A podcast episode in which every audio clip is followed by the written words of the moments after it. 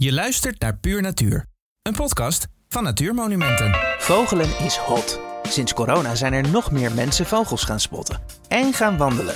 Logisch natuurlijk, want je bent lekker buiten en waant je in een andere wereld.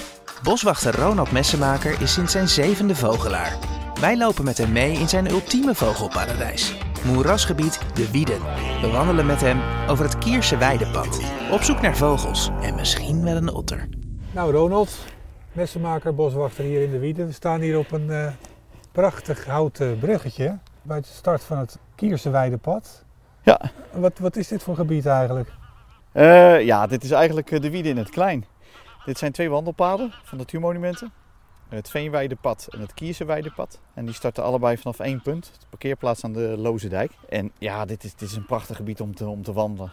We hebben een, een eendenkooi. We hebben allerlei plassen eromheen. Een moerasbos, rietlanden met, met hooilandjes. Ja, een prachtig, eh, prachtig landschap om, eh, om, om eens te verkennen. Ja, ja. En, eh, Eendenkooi, daar is die, het pad naar genoemd, geloof ik, hè? De Ja. Kiers, Kierse Weide. Kierseweidekoooi. Wat, wat is een eendenkooi precies? Een eendenkooi, dat is eh, niets minder dan een, een- een legale manier om eenden te vangen. En dat is al eh, heel oud, echt tot, tot in de middeleeuwen reikt dat al. Eh, je moet het zo zien als een, een stille plas met een aantal vangkooien eromheen, waar eh, door een kooiker, zoals die genoemd wordt, eenden gevangen worden. En vroeger ging dat voor consumptie. Er zijn nog eendenkooien in Nederland waar dat ook nog gebeurt voor de consumptie. Maar tegenwoordig bij natuurmonumenten is het meer eh, voor dringen, voor het onderzoek. Maar ook omdat het culturen, historisch eh, natuurlijk prachtige gebieden Ja, zijn om zijn- te behouden. Ja, Nu eigenlijk kleine vogelparadijsjes zeker. geworden. Ja, ja. Nou, vogels. We gaan vandaag vooral op zoek naar vogels. Ja. Je bent zelf een hele enthousiaste vogelaar. Wat vind jij nou zo mooi aan, aan, vogels? Nou ja, dat is, de, de, de gevederd, eh, hè, de, de, de kleuren van de veren, maar de, de hele diversiteit aan vogels. En ja, ik denk dat bijna iedere natuurliefhebber van jongs af aan al een klein beetje met, met vogels is opgegroeid. Of begonnen is met, met vogels kijken. Ja, en dat heeft bij mij eh, vanaf mijn zevende eigenlijk eh, wel mijn hele leven bepaald. En mijn hobby en mijn werk. Ja, ja, Ja, kijk eens ja. aan. Er hangt een hele grote kijker om je nek. Hoeveel, hoeveel vogelssoorten heb je wel gezien in Nederland? Och, in Nederland, ik, ik heb het laatst even zitten bekijken. Ik zit nu denk ik op zo'n eh, 463 vogelsoorten in Nederland. 463. Ja. Maar dat zijn, zijn vrijwel alle vogels die ooit in Nederland zijn gezien. Nee, er zijn er veel meer. Ik denk zelfs al wel over de 500 die, die geregistreerd staan als zijnde dat ze in Nederland zijn waargenomen. En dat zijn natuurlijk eh, de dwaalgasten, maar ook doodvondsten van, van vogels op een strand bijvoorbeeld. Eh, uit uit nou, ver vervlogen tijden. Kortom, een, een hele lange lijst voor zo'n klein landje als Nederland. En ja, vogels, dat, dat heeft bij mij altijd wel geraakt. Ja, 463 soorten, zeg. Dat is eigenlijk wel asociaal veel. Het is asociaal veel, maar eh, ik geniet er nog elke dag van. En, en En- wat is de en, laatste die je hebt soort die je hebt waargenomen Ja, Nederland? de laatste dat is eh, de zanggorst geweest in eh Callodoel. Maar die zat ook deels in Zeeland. En toen hebben we echt gewacht tot hij weer in Zeeland zat. Want dan konden we voor de Nederlandse lijst meetellen. Maar naast dat hele Twitch, want Twitch, zo heet het, hè, achter zeldzaamheden aangaan. Maar ik vind het net zo belangrijk om, om ook vogels te beschermen. En dat zit bij mij ook in mijn bloed. Het beschermen van de vogels, van groot tot klein. En dat zit ook in mijn werf, eh, werk verweven. Dus ja, Nou, laten we kijken wat we vandaag we gaan, we gaan op pad. Het is een en prachtige, prachtige middag.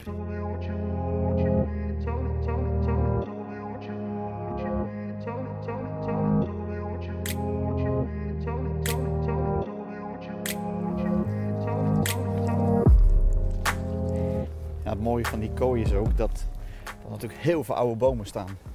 Eh, omgevallen bomen met die laatste storm bijvoorbeeld.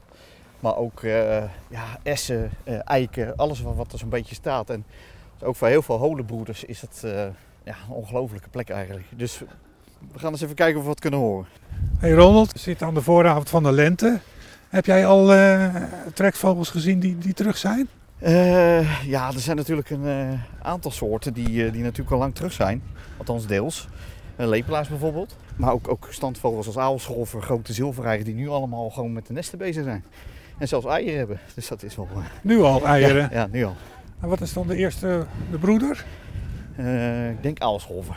De aalscholver is denk ik de, de, de vroegste. En eh, ja, die zit al in februari al op de eieren. Maar dan is het wel veel te koud. Ja, dat is soms wel eens een nadeel. Als je vroeg broedt, heb je natuurlijk ook kans dat als de weersinvloeden dusdanig slecht zijn, ja, dan kan het er eh, behoorlijk eh, inhakken. Dat hebben een paar jaar geleden gezien inderdaad, dat eh, gewoon aalscholvers gewoon op het nest zitten te broeden. En dan een, een vorstperiode van een week. En die beesten die waren zo broed, ja, die gingen niet van het nest af. En die mannetjes die konden geen vis aanleveren voor die vrouwtjes op het nest. Ja, dan zag je toch dat er wel een aantal sneuvelden. En waarom beginnen ze dan al zo vroeg, joh? Ja, het heeft natuurlijk wel een lange periode nodig om een, om, om een jong groot te krijgen. Dus ze starten eigenlijk ja, zo Ah, vroeg mogelijk. En eh, met die verstande dat ze misschien nog een, een, een tweede broedsel erachteraan kunnen, kunnen doen. Maar meestal blijft het bij één, één legsel. Ja, ze starten gewoon vroeg en als het een beetje zacht is, ja, is het natuurlijk eh, uitermate geschikt. En eh, je gaat vissen en je hebt voedsel. En we lopen nu hier door een, door een ja, klein bosje. Nou, heb ik al eens gehoord dat jij zelfs vogels naar je toe kan lokken. Met een bepaalde eh, roep. Ja, dat wordt wel eens gedaan. Kun je, kun je Eh, dat eens voordoen? dat heet, eh, in het Engels heet dat pishing. Ja. En vaak is het met, met vooral kleine groepjes vogels die in het, in het bos rondzwerven naar voedsel. En als je dat geluid dus voortbrengt, dan worden ze heel opgewonden van of ze vinden dat wel interessant. En dan kun je vaak wel wat beesten naar je toe lokken. Ik kan het proberen, ik Ja. wel een koolmees nu. En misschien trekt dat weer anderen aan.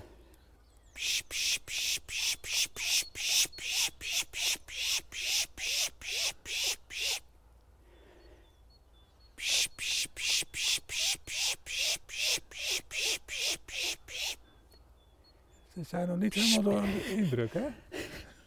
Ja, ik zie daar in de verte wel iets, eh,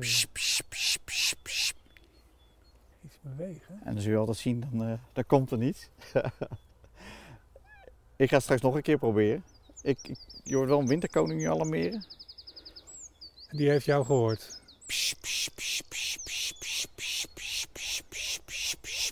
Kom eens die alarmeert. Vaak zie je ook roodborsten erbij komen, eh, vinkjes die even komen kijken. Maar vooral die mezen en winterkoningen zijn er nog wel happig op. We gaan straks, als we iets meer horen, ga ik het proberen. Dan eh, kijken we Nou, weer de- eh, de tweede kant, zeker. tweede kans. Mooi trouwens, de speenkruid wat nu... eh, Ja, Allemaal komt komt. echt, eh, echt al volop op hier. Hè? Wat hoorde je nou, nou, nou net, Ronald? Eh, ik hoorde een, een zangvogeltje. ja, tjiftjaf. Ja, daar hebben we hem. Oké, dat is hem. Onomatopee, roept zijn eigen naam. Net als de koekoek. Aha. Rutto, tjiftjaf. En- hebben allemaal een eigen naam. Oké, ja. Tjif, tjif, tjif. En die is dus net terug. Waar net heeft terug. hij overwinterd? Eh, meestal tot eh, het Iberisch Schiereiland. En de laatste jaren, omdat het redelijk zacht is, overwinteren ze ook wel veel in Engeland en ook in Nederland.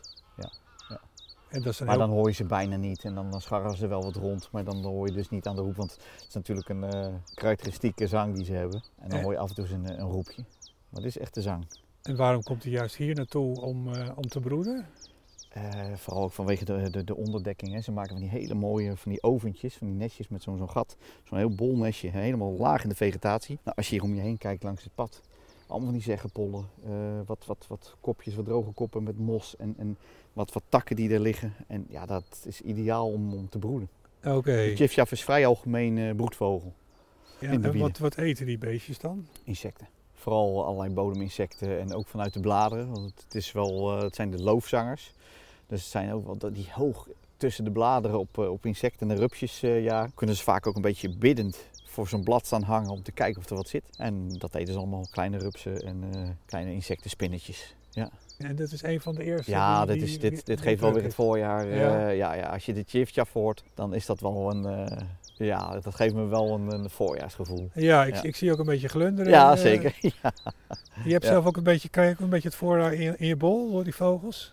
Zeker, ja, ja, ja, ja. ja. Ik, eh, ik vind het altijd na, na, na zo'n periode, zo'n winterperiode. En ehm, dan hoeft het niet gelijk zo heel warm te zijn. Dat hoeft voor mij niet.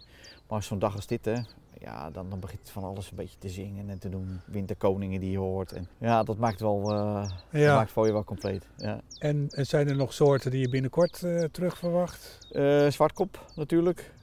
Straks eind maart, begin april de eerste blauwborsten. Dat is ook wel een, een vroegkomer die, die eigenlijk helemaal vanuit West-Afrika hier naartoe komt. En, en de Sahara over moet.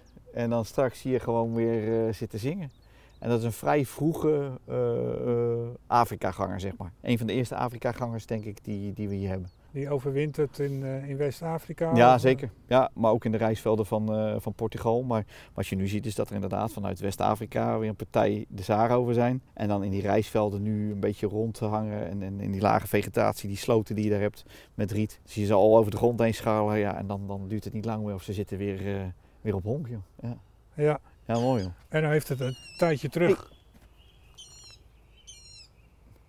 Dat is leuk. Wat is dat? Wij noemen dat het speenvarken van het moeras. Het speenvark. Nou, Je hoorde maak het ook net in. Nou, maak je me nieuwsgierig. De wateral.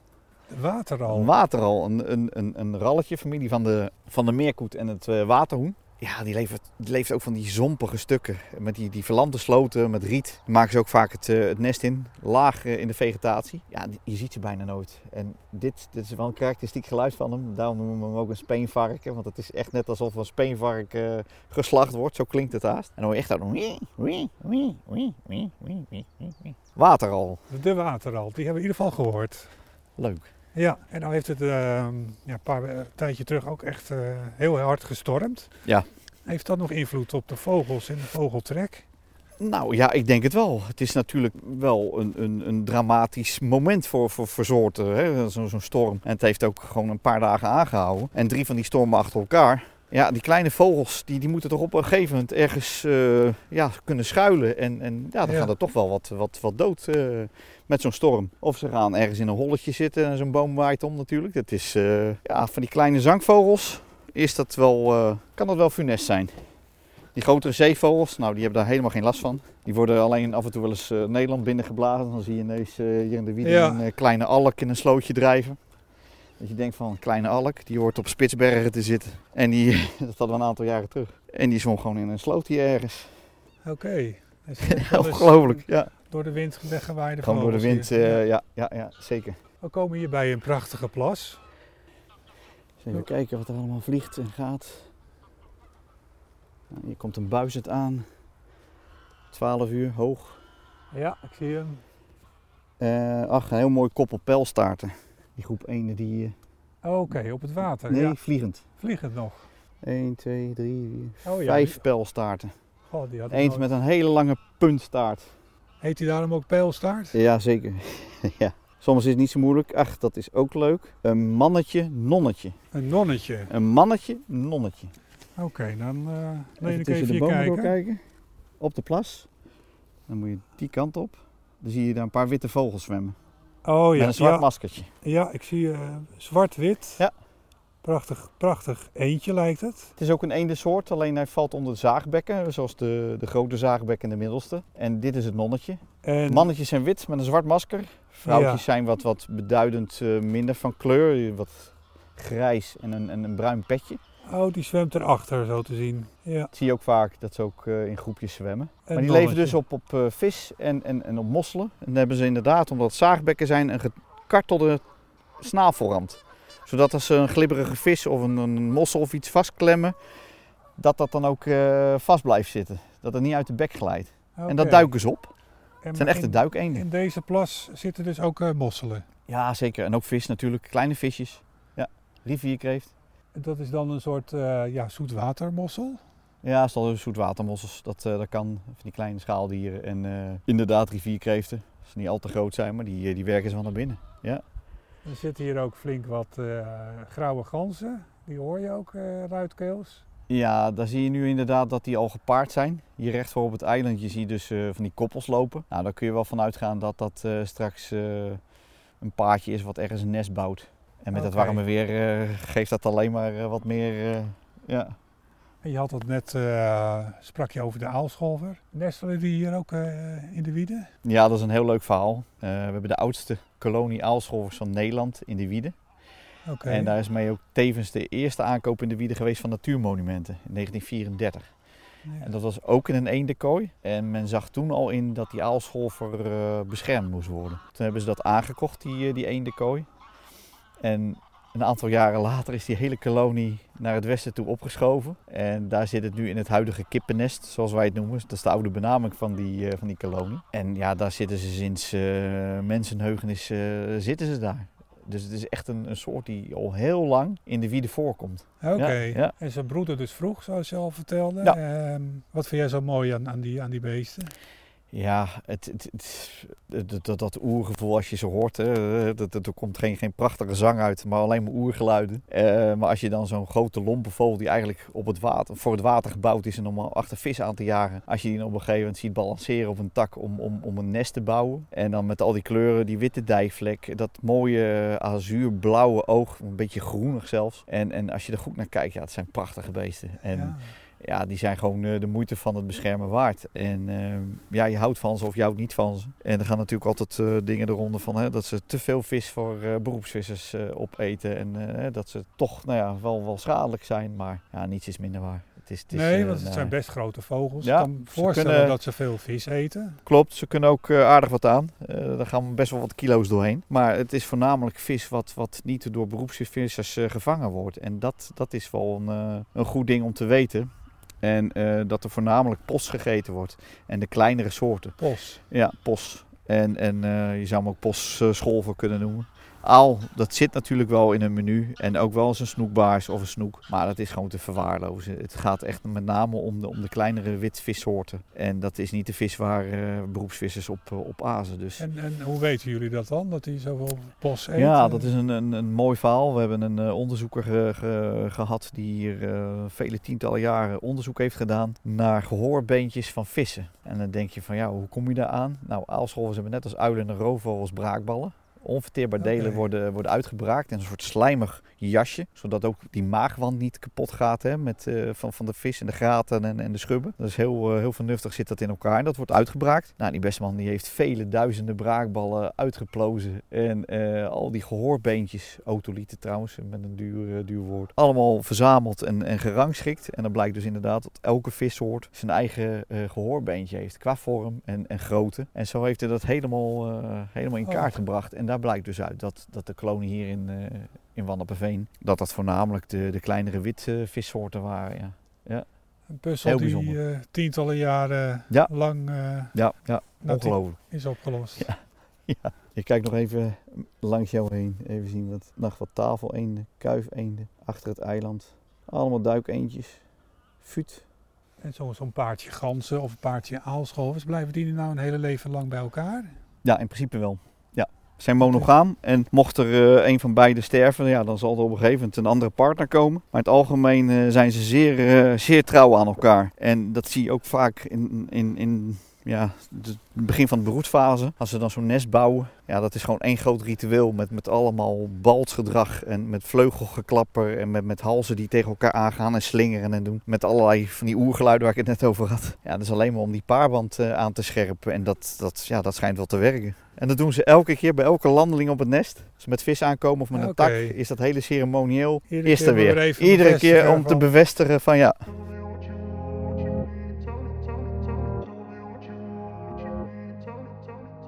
Nou zitten hier best wel veel ganzen, daar hoor je ook wel negatieve verhalen over van eh, ze vreten alles kaal en poepen alles onder. Hoe kijk jij er als boswachter eh, tegenaan? Nou ja, in eerste, in eerste instantie natuurlijk eh, via het beleid van Natuurmonumenten. Dit is een plek ja, waar, waar best wel wat, wat riet verdwijnt, ook in de nieuwe natuurontwikkelingen die we hebben. Dat wordt allemaal weggegraasd, weggevreten door gouden ganzen. En ja, daar, daar, daar wordt wel wat aan gedaan om toch andere soorten weer de, de kans te geven. Karakteristieke moerasvogels, zoals eh, grote karikiet, roerdomp, bruine kiekendief, dat die toch ook een plek hebben om eh, hun nest te bouwen. Ja, En dat het niet alleen maar gouden gans is wat, wat de klok slaat. ik zie ook Canadese ganzen. Dat is ook een eh, lang ingeburgerde exoot natuurlijk. Ja, Grote Canadese gans. Die zie je toch vaak ook bij, bij die gouden ganzen zitten. Soms hebben ze gemengde paren. Komen er toch wel hele rare kuikens uit. ja. Dat kan maar het dus schijnt te kunnen, ja. En eh, in zijn algemeenheid, hoe, hoe, hoe, hoe gaat het met de vogels in de wieden? Nou, we hebben een, eh, een jaarlijkse broedvogelmonitoring eh, hebben wij. En wat uniek is dat wij dat nu vanaf 2004 al doen met 30 vrijwilligers. En dan gaan we met, omdat het gebied zo groot is, groepje sminkt op de achtergrond. ja, Ik ga gewoon weer door met mijn verhaal. en eh, dat wordt dus gemonitord eh één keer in de zes jaar één deelgebied. En dan hebben we dus in zes jaar tijd de hele wiede gemonitord. Geteld, zeg maar. Helemaal geteld. En dan zijn die deelgebieden opgedeeld in telplot. Nou, dan gaan dan uh, al onze vrijwilligers na een startavond, een startbijeenkomst, waar alle kaarten weer uitgedeeld en alles weer een beetje up-to-date is. Dan gaan ze het veld in. En dat is vanaf nu zijn de meeste toch al één keer of twee keer geweest. En dat is wel uniek te noemen, omdat zo'n gebied als dit en, en, en zo, uh, zo complex is ook met, met lopen, moerasbos, uh, drijftillen waar je in kan zakken en alles. Is het wel een, uh, een hele uitdaging, maar het gebeurt wel. Ja. En, en dat, dat is vanaf 2004 wat ik zeg, gebeurt dat. Oké, okay, en dat dus is echt wel een prachtig wel resultaat. zien. ja. Als, kun je Ja. trends waarnemen qua vogel? Nou, je kan als je bepaalde deelgebieden met elkaar vergelijkt over de jaren heen, zie je toch dat eh, bepaalde bosvogels eh, toenemen. Omdat ook best wel wat moerasbos eh, ouder wordt en alles. Bijvoorbeeld de ene kooien, daar zie je dat er toch wel aardig wat, eh, wat spechten in zitten. Maar ook appelvink en boomklever binnenkomen. Terwijl dat eigenlijk geen soorten zijn die hier in de moeras treft. Maar je ziet dat sommige soorten, zoals de, de echte watervogels, zoals fuut, eh meerkoet, eh, maar ook aalscholver. Dat zie je toch een beetje, een beetje kelderen. En ja, het is, het is altijd speculeren waar het aan ligt. En, en eh, is het een menselijk eh, falen of is het natuurlijk iets? Dat zijn dingen waar we de komende jaren toch wel eens eh, wat beter naar willen kijken. Er ging net ook een groenling over. Een roepende groenling. Ik nog even te kijken. Krak eenden achterin. Wilde eenden, ja. Allemaal tafeleenden. Ik zie een grote meeldrijver. Maar we moeten eens even kijken wat dat is. Ja, en die, Specht hoor ik.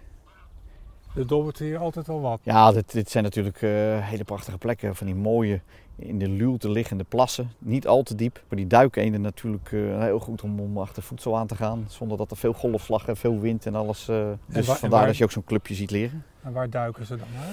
Ook naar, naar kranswieren. ehm, maar ook, ook hoe heet dat, mosseltjes. ja, van alles wat zo'n beetje voor, voor de snavel komt. Ja. Hoeveel vogelsoorten ja, leven daar nou in de wieden? Als je alles een beetje meepakt, eh iets meer dan 200 soorten. Oké. En er zitten dan ook wel wat dwaalgasten tussen en wat, eh, wat broedvogels, doortrekkers. Eh, iets meer dan 200. Iets meer dan 200. Ja, Ja, ja. En, ja, als jij nou eens een top 3 moest noemen. Och, ja. dan moet ik even. Ja, dat, dat, dat, dat kan van alles zijn, maar kort en leverik is natuurlijk wel een hele zeldzame, maar dat zegt natuurlijk niets over je gebied. Ehm, wat ik zelf altijd wel, wel leuk vind, dat zijn uh, witoogenden bijvoorbeeld, krooneenden die dan ineens in zo'n gebied eh, aanwezig zijn. Eh, vorige maand hadden we een club van negen witoogenden. Nou, dat is uitermate eh, bijzonder, ook voor Nederlandse begrippen. En daar blijft meestal wel een klein partijtje voor hangen. En dat, dat, ja, dat is wel, wel, wel leuk te noemen. Het is een hele zeldzame soort. Maar wat ik ook bijvoorbeeld uh, klauwier die ine- ineens in opkomst is. eh, dan denk ik van ja, dan, dan, dan zit het toch wel redelijk goed. Hè? Het is een insecteneter, het leeft van grotere insecten. En ja, die, die doet het in dit soort kleinschalige elementen, hè? van die lijnvormige elementen met, met van die braamstruwelen. Uitermate geschikt voor grauwe klauwier. En, en daarnaast natuurlijk ook eh, de, de, de, de auke-kolonie. Met acht verschillende soorten eh, kolonievogels in één kolonie. En dat is... Dat Acht is verschillende soorten ja, kolonievogels in één ja, kolonie. ja, Wat, wat, ja. is, wat is dan een... Ja, dat, dan, dan, dan hebben we het eh, over purperreiger, we hebben het over blauwe reiger, grote zilverreiger, kleine zilverreiger, sinds kort ook koereiger, lepelaar, aalscholver, eh, heilige ibis zat er eh, af en toe eens een keer tussen, dat is, dat is één keer geweest. Kwak, die er ook regelmatig zit en allemaal in één kolonie. Dat, dat is ongekend voor Nederlandse begrip, maar ook Ja. denk Europees gezien. De samenstelling van deze hele eh, Ja. groep soorten vogels, dat vind je nergens anders in Europa. Ook niet in de Donau-delta of in de Wolga-delta. Nee. nee. Dus je bent wel boswachter van een, een uniek Ja, vogelparadijs. dit, is, eh, dit, dit gebied geeft me eh, elke dag weer eh, behoorlijk wat energie. Ja. Heb je hier de zeearend ook wel eens gezien? Ja, ja, ja, ja, dat is ook zo'n soort die, die in de lift zit. En ehm, vooral in de wintermaanden was het, was het gebruikelijk dat we dus meerdere zeearenden hadden. Ja, en sinds kort proberen ze ook aan de randje wieden, het hoort eigenlijk wel bij onze berenheid, proberen ze ook nog weer een, een nest te bouwen. Dus ja, het, ook dat. En nou eens wachten op de visarend. De visarend. Ja, Ja, het zou ook ja. wel een soort zijn die, die hier zo, eh, ja, zou kunnen broeden. Oké, want die komt nu wel eens langs. Ja, die komt regelmatig langs voorjaar. Dus eh, als ze terugkomen vanuit eh, West-Afrika, dan maken ze een stop over in de wieden van, van enkele weken. Soms een maand, eh, anderhalve maand. En in het najaar blijven ze gewoon echt heel lang hangen. Dan is het vanaf september bijvoorbeeld tot oktober dat je hier eh visarenden kan treffen. Maar als ik het goed begrijp, is de, de wieden, eh, de wieden weer hebben dus een soort echt wel een trekpleister voor, eh, voor duizenden vogels. Ja, ja. Die hier dan naartoe komen om eh, vooral te broeden. Maar ook om op te vetten, om, om, om weer door te, te, te vliegen naar het noorden waar ze broeden. Zoals die nonnetjes hier, die grote zaakbekken. Ja. Ja, die, die overwinteren hier, omdat het hier een stuk zachter is. En die gaan dan straks, nou wat zal het zijn, soms begin mei, midden mei. Omdat het seizoen daar altijd wat later start. En dan eh, gaan ze daar in het hoge noorden, in Finland, en Siberië, gaan ze weer, eh, weer broeden. En komen ze hier misschien ook naartoe om, eh, omdat het buiten de natuurgebieden ja, steeds minder wordt voor, eh, voor vogels? Qua... Nou, misschien heeft dat er ook wel mee te maken. Maar we zijn gelukkig wel gezegend met, met, met wat waterrijke gebieden. Het Ketelmeer, eh, het IJsselmeer, eh, de Randmeren. Dus IJsselmeer, eh, de IJssel zelf. Ja, er zijn zat plekken waar, waar watervogels zich wel, wel thuis kunnen voelen. Maar dit is wel, wel een gebied met ondiepe meren, waar goed voedsel zit, veel, veel vis. Ja, dit, dit is wel een plek waar, waar vogels graag zitten. Ja. En het is hier ook wel, wel kleinschalig. Hè? Ik zie hier eh, bosjes, ik zie moeras, ik zie rietkragen. Klopt. Ik zie daar de els eh, staan. Straks eh, een dan, beetje, dan, zelfs een beetje heuvelachtig. Er zitten wat zandkoppen in inderdaad. Die zie je recht voor je ook. Een zandkoppen in. Ja, inderdaad verlandersloten met, met wilg. Nou, goed voor insecten, wilgen. Nou, dat trekt natuurlijk ook allerlei eh, soorten aan, zoals grauwklauwier. Maar ook grauwvliegenvanger, spotvogel, eh, noem maar op. Ja, Ja. Dat, dat, dat maakt het wel, wel uniek. En dit pad ook trouwens, wat ik al zei, het is net, net de wiede in het klein. Je komt hier eigenlijk alle elementen tegen die je normaal varend zou moeten beleven. Maar dat kun je dus hier ook wandelend doen. Ja, en het pad voelt, voelt zacht aan. Het lijkt af en toe of het een beetje deint zelfs. Ja. Het, ja, het is echt veengrond hier, hè? Ja, dit is op zich wel eh, wat veengrond. Dit is het pad zelf, dat is toch wel wat zanderig. Maar zou je op een gegeven moment hier net buiten het, eh, het bosje erin stappen, ja, dan merk je al hoe, hoe, dat, eh, hoe dat voelt. Het is nog geen trilveen, maar je merkt wel dat je in een eh, moeras zit. Ja.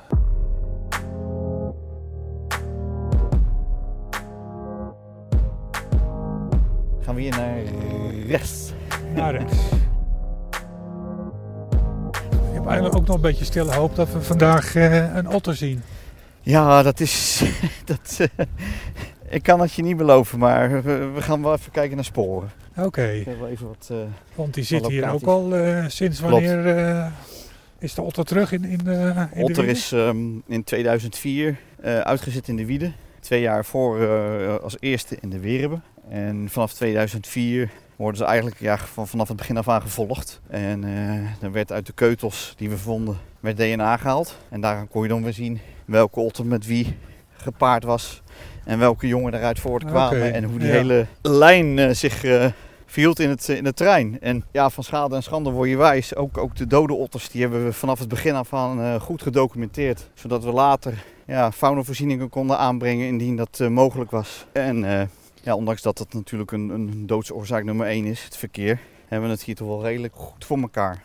Ondanks dat er toch wel weer wat sneuvelt. Afgelopen week nog, Ja, echt waar? ja, weer een mannetje doodgereden. Een stuk waar dan net geen rasten staan. Maar ja, dat is ook ondoenlijk om alles in te rasten. En dat is dan een jong mannetje die op zoek gaat naar een nieuw eh, leefgebied? Ja, waarschijnlijk. Het kan ook een, een, een oud mannetje zijn. Ik heb hem nog niet bekeken. Maar het kan ook een oudere man zijn die eh, zijn territorium wat afbakent. Ja, en dan toch op een gegeven moment eh, een weg oversteekt. Ja. Ja. En heb jij zelf wel eens een otter gezien? Eh, Ja, gelukkig wel. Eh, het heeft even geduurd. Het was altijd een beetje een, eh, een, een pijndossier. want ze waren uitgezet en iedereen zag ze. En ik kreeg alleen maar dode otters te zien. En ik heb een keer een, een otter gevangen, een gewonde otter. Dus ik werd altijd eigenlijk een beetje met, met, met dat soort beesten opgezadeld. Ziek, zwakke, misselijke otters. Maar ehm, ja, er is toch wel een kentering gekomen. En dan, meestal is het zo, als je dan de eerste ziet, ja, dan lijkt het net of je, eh, dat dat de drempel is. En dan ga je Ja, meerdere ja. waarnemingen zien. En kan je dat moment nog, eh, nog herinneren? Ja, ik kan het dan wel. Ik, ik, ik heb wel een eh, leuke waarneming van, eh, van een otter. Dat is twee jaar terug met ijs. En, en ik stond nog geen twee meter van die, van die otter af. En die had dus aan de rand van, van de oever en het water een, een wakje gemaakt. En dan hoorde ik hem echt knauwen op een rivierkreeft. En dan hoorde je echt zo... Ik zag die tanden ook op en neer gaan. Ik heb er een filmpje van gemaakt. En dan op een gegeven moment was hij weg. En echt, die sloot lag helemaal vol met ijs. En op een gegeven moment zag ik hem aan de overkant. Brak hij zo door dat lichte ijs heen. Zo, pats, alleen die snuit eruit. Een paar keer eh, ademen en weer onder. Schitterend. Ja. Dus dat zijn wel, eh, wel leuke waarnemingen. Dus ze eten niet alleen vis, maar ook eh, kreeft. Rivierkreeft, ja, dat is wel, wel een ding hier. Zit natuurlijk vol met rivierkreeft. Dus heel Nederland zit vol met rivierkreeft. nou, dat is de, Maar ze, ze zijn daar inderdaad helemaal op gespecialiseerd om die te vangen. En als je dan ook keutels ziet, die zien soms helemaal oranje van de, van de rivierkreeft. Er zit een stukje schaar Aha. in en een stukje schild. Of, of je vindt zo'n afgekloven eh, rivierkreeft zo erg zo in de kant liggen. oh, Ja. zijn dat soms die, die rode Am- Amerikaanse Ja, rivierkreeft? ja. Een beetje een Klopt. exoot. Ja, het is inderdaad een exoot. Dus de otter helpt een beetje mee om Die helpt eh, mee om ze wat, wat kort te houden, maar of het hem lukt, dus, dat is nog maar de vraag. Maar ze gaan er ook echt, eh, echt naast op zoek. En ik denk in de winter zelfs zo'n stapelvoedsel is, omdat het makkelijk te vangen is. En eh, ik heb ze ook wel, wel zien duiken en woelen. En echt een beetje bagger naar boven kwam en dan kwamen ze weer met een rivierkreeft. Dus ze woelen ze ook wel uit de grond, uit de bodem. Ja. Je zegt eh, stapelvoedsel. Ik kan een stapel boterhammen, maar ja, dan een stapel rivierkreeften. ja. Nee, ze zijn echt helemaal op eh, gespecialiseerd. En zeker in de winter om, om, om ze te vangen. En dat zie je wel terug in de keutels. Ja. aha. Maar ze zijn vooral s'nachts nachts actief. Ja, voornamelijk s'nachts. En eh, in de winter kun je ze ook wel overdag eh, treffen. Er zijn een paar plekken waar eh, de kans groot is dat je ze kan zien. En dat is in de, de Auken, de Auken Toren. Maar ook bij onze collega's in de Weerhubbe. Ook zo'n plek waar eh, otters eh, regelmatig te zien zijn. We zien hier al, eh, al katjes. Ja, nu met dit weer gaat het hard. Ja, Ja, veel. katjes. En, en echt heel goed voor die eh, vroege insecten. Hommels. oké. Vroege bijen die, die heel vroeg wakker worden omdat het wat warmer wordt. Ja, dat is, dit is uitermate belangrijke voedselvoorziening. Ja, want er zitten hier heel veel insecten. Ja, dit, dit is een plek waar je straks, als zeg maar die hooilandjes weer helemaal mooi in bloei staan, veel planten weer in bloei staan. Ja, dit is voor, voor verschillende eh, vlinders, zilvermaan, een uh, parelmoervlinder die eh, heel zeldzaam is in Nederland. Maar ook libellen, die hebben nog niet zozeer de, van die nectar en alles, eh, die moeten het echt hebben van insecten. Maar dan al die kleine kolkjes hier, dat is echt uitermate geschikt voor libellen. En dan heb je wel eens een- zo'n zo'n dag bijvoorbeeld, ergens eh, eind maart, begin april, dat dan op een gegeven moment massaal eh, de, de metaalglans eh, libellen uitsluipen. En eh, dat is echt ongelooflijk. Je ziet echt vele honderden tot, tot duizenden zie je dan uitgeslopen. En dan zie je, hangen ze allemaal boven die bomen. Op één dag kun je dat allemaal Ja, zien. ja, als je geluk hebt, dan, eh, dan tref je dat. En En veel, ja. veel insecten betekent ook veel vogels. Zeker. Ja, Voor, voor de tjiftjaf. ja, eh, fiets, eh, ja, eigenlijk alle vogels die we hier in het gebied hebben zitten, dat, dat zijn insecteneters. Op een aantal na. Maar veel leven toch wel van insecten, ja. en libellen, zo belangrijk. libellen zijn nogal groot. Worden die ook door vogels gegeten? Ja, zeker. We hebben boomvalken. Dit is ook een van de beste plekken voor boomvalk als je hier loopt. Straks in mei, juni. En dan jagen ze inderdaad op libellen. En die eten ze in de lucht op. Dus ze vangen hem. En dan met, met de klauwen. En dan vreten ze zo up, de vleugels eraf en zo. En dan up, het stuk staartstuk eraf. En alles wat dan nog vleesig is, dat eten ze op. Maar dat wordt allemaal in de vlucht wordt dat, beorberd. En dan dwarrelt alles weer naar beneden. En daar, ik- Putters. grote zilverreiger. Grote zilverreiger. Ook een soort die eh, helemaal in de lift zit. Ik weet nog eh, in de jaren 80 dat ik naar eh Oostvaardersplassen ging om eh, grote zilverreigers te zien. En ja, heel Nederland zit nu vol met, met grote zilverreigers. En die kolonie waar ik het net over had, daar zitten zo'n 81 paar grote zilverreigers nu. Ja, dat is echt... Wordt het dan niet een beetje een concurrent voor onze oude blauwe, eh, oude blauwe reiger? Ja, ik, nee, ik, ik denk niet dat dat, dat dat zo is. Ik denk dat er nog wel veel voedsel is. Alleen je merkt wel dat eh, in de winterperiode een grote zilverreiger wat, wat meer mans is om te overleven dan een, dan een blauwe reiger. Het mooie van, van eh, grote zilverreigers is ook dat ze bijvoorbeeld tussen een groep ganzen fourageren. Die trappen alles op aan insecten en muizen. En zij lopen er een beetje tussendoor of ze staan wat stil en dan een beetje met die nek zo heen en weer. En dan pats, dan pakken ze die muis. Het gedrag van blauwreiger is toch vaak in een slootje staan en, en, en ja, daar wachten tot er wat voorbij komt. Totdat ze soms dood neervallen omdat ze gewoon geen voedsel hebben of het dichtvriest. Dus blauwreigers zijn daar iets, iets gevoeliger voor, eh, voor een strenge winter. Maar echt concurrentie, nee. Ik, denk niet dat dat, eh, dat, dat speelt.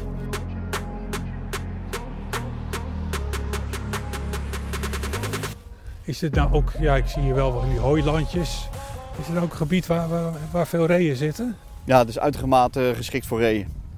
Je hebt inderdaad als ze s'avonds uh, tegen de schemer naar buiten komen.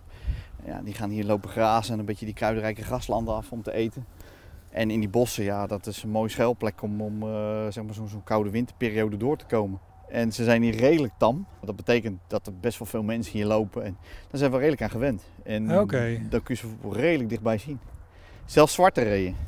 Dat is een, eh, ja, een kleurvariatie, een, een pigmentstoornis. En als ik zo de boeken mag geloven, zijn die als eerste ergens in Duitsland eh, beschreven. Rond Hannover geloof ik. En, en daar werd het ook eh, de naam toebedeeld eh moerasree. Dus ze legden die link al tussen zwart, zwarte reeën en moeras. En ja, af en toe tref je er eens eentje die, die echt helemaal zwart is. En dan is dit, dit Kieserwiedepad en het Veenweidepad zijn uitermate geschikt om ze te zien. Oké, Ja. dus het hoort wel een beetje bij de wieden van die, die zwarte reeën. Ja. En er zit natuurlijk ook veel water. Kunnen reeën goed zwemmen? Ja, die kunnen wel zwemmen. Het is alleen wel zo dat de kanten niet al te steil moeten zijn.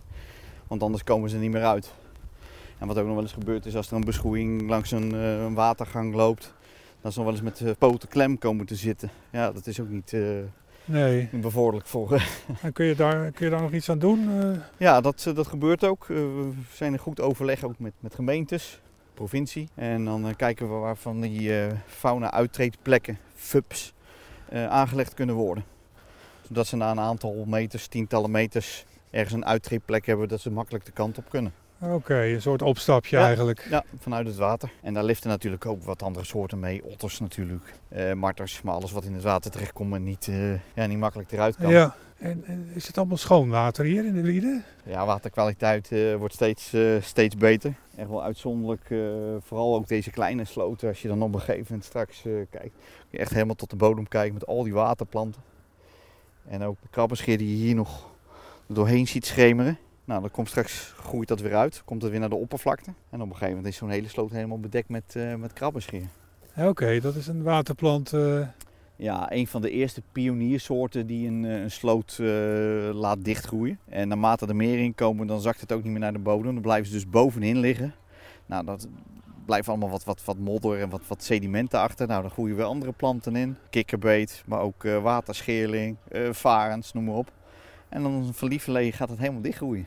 Dan wordt water langzaam Dan land. wordt, eh, ja, ja, en dan zit er dan een hele zeldzame fase tussen, de trilveen. Ja, dat is een fase bijvoorbeeld waar we toch wel heel trots op zijn in Nederland. Er is niet zo heel veel meer van over. Maar daar we toch ook wel voor aan de lat staan om dat, eh, om dat terug te krijgen. En dan kun je na een jaar of 70 kun je hier weer overheen lopen over zo'n sloot. Dat duurt 70 jaar. Ongeveer. Soms- Ja. ja, Gemiddeld. En die trilveenfase, waarom heet dat trilveen? Ja, omdat het eigenlijk een, een- laag veenpakket is. Zeg maar de, de, de plantenmassa wat, hè, van het dichtgroeien. Dat is ongeveer een eh 20, 30 centimeter. En dan krijg je bijvoorbeeld het water van 2 meter. En dan krijg je het zandpas. Dus dat is wel een... eh, ja, dat, dat golft helemaal voor je uit. Oh, het, Ligt, eh, trilt als je erop ja, loopt. ja. Het is een heel vredig gebied zo eigenlijk, als je hier zo wandelt. Het is nu vrij Kromme, rustig. kromme paadjes, Ja. open water, zonnetje, ganzen, tjaffen, Ja. buizerd. Allemaal. En hier zien we een, eh, een mooi bruggetje. Ja, je hebt hier een, een kleine watergang en naar een meertje toe. Oké, En het is altijd wel leuk om, eh, om hier altijd eens even te kijken. Want niet alleen wij maken er gebruik van, maar ook vele andere dieren. Die denken ook, joh, ik ga niet zwemmen of ik ga niet, hè, niet lopen over dat bruggetje heen. die lopen over dit bruggetje Ja. heen. En En- ik check meestal dit soort plekken altijd voor eh activiteit van boommarter, maar ook van otter. En ik zal eens even kijken of ik iets kan, kan waarnemen. Je ziet wel dat het wel belopen is, hè? Je ziet wel iets van, een- van een spoortje. Ja, het is niet alleen van mensen, maar het is ook wel eh, een spoortje. Even kijken hoor. Ik ga even aan de andere kant van eh, een klein poepje. Wel een oude keutel van een, eh, van een otter. Een oude keutel van Ja. een otter. En hieronder zie ik ook van alles. Wat zie je daar ook nog Ik zie daar ook iets, Ronald. Ja? Een, een bruine kikker? Of is het een pad? Dat is een bruine kikker. Oké, die is er dan. Oh, leuk. Ja, die is ook, ook, een van de eerste die, eh, die, die een beetje van die warmte gebruik maakt. Maar dit is geen kleintje, dat is een behoorlijke Nee, grote. een Ik zie daar nog, ja. nog een kleine Ook een naast. bruine kikker, een jong. Een jonkie. Een bruine kikker is, is eigenlijk ook meer een landsoort hè? van de, de groene kikkers. Dat is toch echt wel die, die, die aquatisch leven. Bruine kikkers die kun je ook in je tuin vinden of midden in het bos. Oké, maar zit hier. eh, Maar ze hebben wel water nodig om bijvoorbeeld hun eieren af te zetten.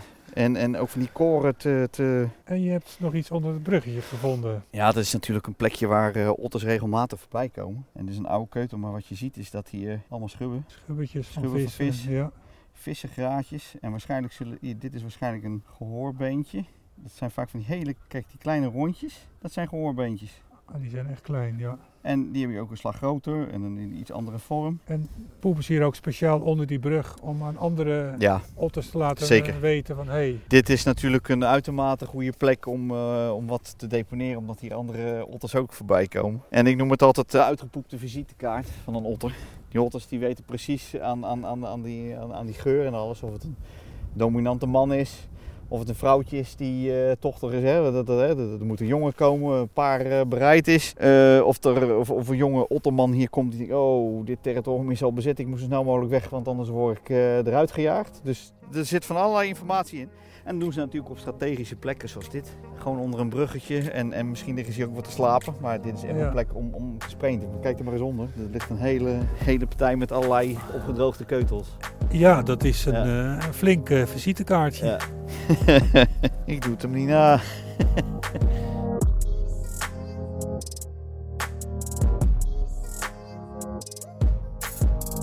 Nou, wat je ook ziet vaak, dat is ook wel leuk.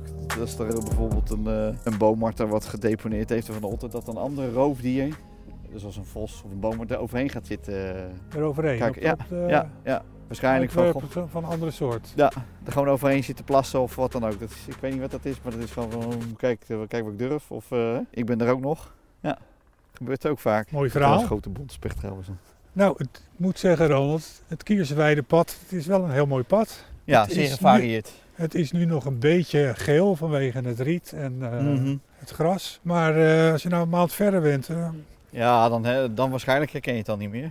Nee, Nee, dat gaat wel eh, als mensen hier lopen, wat kunnen ze dan eh, aantreffen hier? Eh, ja, nou ja, inderdaad, de, de, de, de, de hooilandjes die dan wel redelijk in bloei komen. Waarschijnlijk ook met pinksterbloem, dotterbloemen die, die, die dan in bloei komen.